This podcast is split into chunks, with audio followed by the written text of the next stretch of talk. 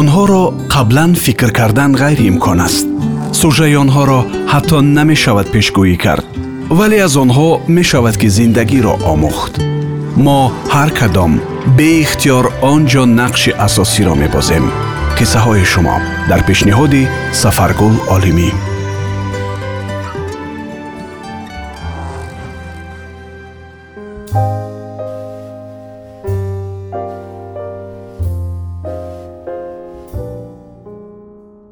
дар тӯи арӯсие ҳузур доштам миёни занҳои меҳмон чашмам ба ҷавонзани хушандому хушсурате афтод ки кам ҳарф мезад кам мехӯрд ва дар нигоҳаш ҳузни кӯҳане аён буд ногоҳ зане ба хона даромада ба ҳозирин чашм давонда ба он ҷавонзани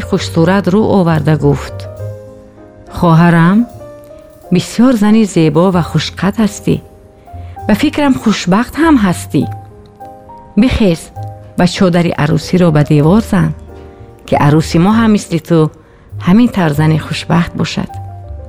زن یک لحظه حیران و دست و پا خورده شده خواست نیمخیز شود که به خانه آسیم سر زنی تویدار در آمد و به آن زنی مهمان چشم علا کرد و گفت ای خاله шумо одамонро намешиносед ҷимакак шишта меҳмониятонро донед ин одами хушбахти ёфтагиятон рӯй дорад диданиву ҳоло давомашро мегуфтам айб мешуд гуфта банди чодарро аз дасти зан кашида гирифту ба зани дигаре дод лаҳзае дар хона хомӯшӣ ҳукмрон гашт чашмам ба зани хушсурат афтод ки рӯяш мисле ки дар назди оташдон бошад суб сурх аст و سر بالا نمی کند وقتی در توی خانه سر و صداهای آدمان عروس و داماد آمد بلند شد زن آهسته و سرخمیده توی خانه را ترک کرد.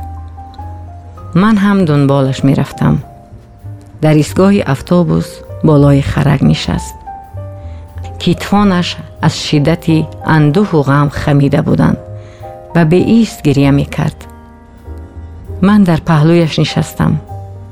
زن به اینکه بر روی من نگاهی اندازد تنها گفت که شما هم خستید.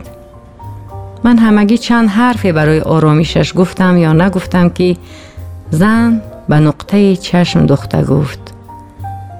من چنین تحقیرها و تعنه ها و ملامت ها را زیاد شنیدم و ادامه داد. дар деҳаамон касе дар ҳусну ҷамол ба ман баробар набуд дар нишасту бархостҳо маъракаҳо мардум маро духтари пеши деҳа меномиданд хостгоронам хеле зиёд буданд худованд ҳар ҳунаре дошт дар офаридани ман сарф карда буд қаду қомати миёна мӯи сиёҳи то домон расида чашму абрувони зебо пӯсти нарму сафеде доштам ҳар бор به آینه روبرو می آمدم. حسن جمالم را ستایش و بردار بردار می کرد. من باشم از خود می رفتم. آنقدر از خود رفته بودم که دیگر جوانان همسال و همسبقم را پیسند نمی کردم. محفیل مردهای زندار و منصبدار و پولدار را اختیار کرده بودم. نصیحت مادر غضب پدر و برادرانم ذره تاثیر نمی گذاشت. ساعتها را در روبروی آینه سپری می کردم.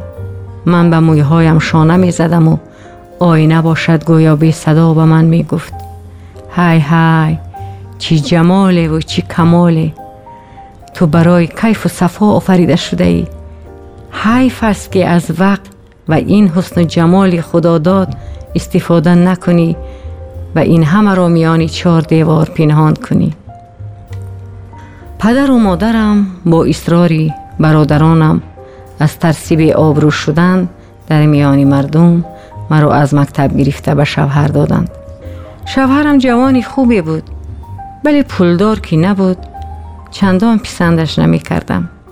ولی مرا دوست می داشت چون که مادر و خواهرانم هر قدر مرا بدگویی می کردن پیشش که سبک پا و تردامن است باور نمی کرد. با آنها جنگ و خرخشه می برداشت. می گفت زنی من زیبا که هست همه اتان به وی رشک می کنید. یک شب در خمی کوچه شوهرم مرا در درون ماشین در آغوش همسایه بنکیرمان که همسال پدرم بود دریافت و طلاق هم را داد. در خانه پدرم از ترس برادران و ینگه هایم چند روز از خانه نبرآمدم. ولی باز هم آینه مرا به حالم نمیگذاشت. حسن جمالم را تعریف و توصیف می کرد و مجبورم می کرد که میان این چهار دیوار ننشینم زیرا وقت می گذرد عمر در شتاب است. باز رو جانبی بیرون کردم و محفیل مردهای پلدار و منصبدار را اختیار کردم. اکنون من شبیه باغ سرسبزی بودم که میوه های رسیده و شیرین ولی دیواری پستکی دارد. هر رهگذری می توانست به آسانی وارد آن باغ بگردد. از میوه هایش کام شیرین کند و دیگر به پسش نگاه نکرده برود. حساب عاشقان و کودکانی در بطن کشتم را کیها گم کردم. اینک سینم به چهیل نزدیک شده است و نه فرزند دارم نه شادی در دیل. جفت خوشبختی را بینم که خانواده آباد دارد. از علم به زمین فرو می روم گوهاره سبز را میان خاندان بینم به خاک یکسان می شوم حالا پشیمانم که چرا نصیحت مادری مهربانم را نگرفتم؟ چرا آبروی پدر و برادرانم را به زمین زدم؟ پدرم که خود بیماری فشار بلندی داشت باری در مراسم برای رفتارهای من ایزای معرکهش کردند. او با سری خم و دل ابگار از آن معرکه برگشته شبی سوم در حالت غم بیماری و یعص وفات کرد.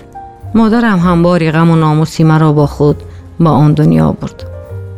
برادرانم چندین سال است که با من قهریند زن پیوسته حرف می‌زد барояш танҳо гӯше лозим буд ки ин ғамномаашро бирезаду андаке сабук шавад. Вале ба соҳиби гӯшу ҳуш коре надошт. Сари ҳар қадам таънаву маломат мешунавам. Занҳои шавҳардор сояамро аз деворҳо метарошанд. Оина ҳамдигар ба ман рост намегуфт. Дар давраи камолоти умр در پی تارسکی های که زندگی برویم زد دانستم که آینه کاری شیطان را در حق منی نادان کرده بوده است. تمام آینه ها را در منزلم شکستم. بارها خودکشی کردنی شدم ولی اراده هم برای این هم کمی کرد. زن این را گفت و زیمام گریه را سر داد و خودش را به آغوش من پرتافت. لحظه گریست و بعدا گفت شکرانه خدا که مردی با انصاف و مسلمانی برای ثواب مرا بالای زنش به زنی گرفته است و نماز و طاعت قرینم کرده است. خدا دوستم نموده است. کوشش می کند که غمهایم را فراموش کنم. ولی با تنه و ملامت مردم چی کنم؟ نمی‌دانم. من بی صدا به مویه های ماش و برینجش دست شانه زدم و در دل گفتم تو دل خالی کردی و من دل پر کردم آیا تمام این عیب و گناه های برشمرده همه مالی تنها تو اند؟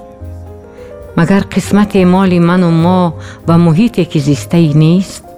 آیا منی صاحب فرهنگ و قلمدار برای بهتر بودن و بهتر شدن تو چی کاری کردم؟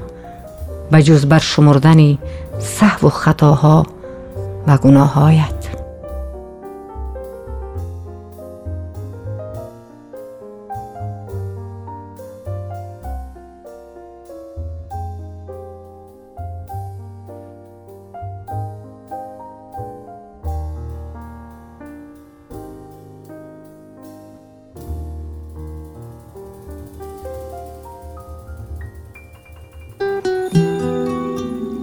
Онҳоро қаблан фикр кардан ғайриимкон аст. Сужаи онҳоро ҳатто намешавад пешгӯӣ кард вале аз онҳо мешавад ки зиндагиро омӯхт. Мо ҳар кадом беихтиёр он ҷо нақши асосиро мебозем. Қиссаҳои шумо. Дар пешниҳоди сафаргул олимӣ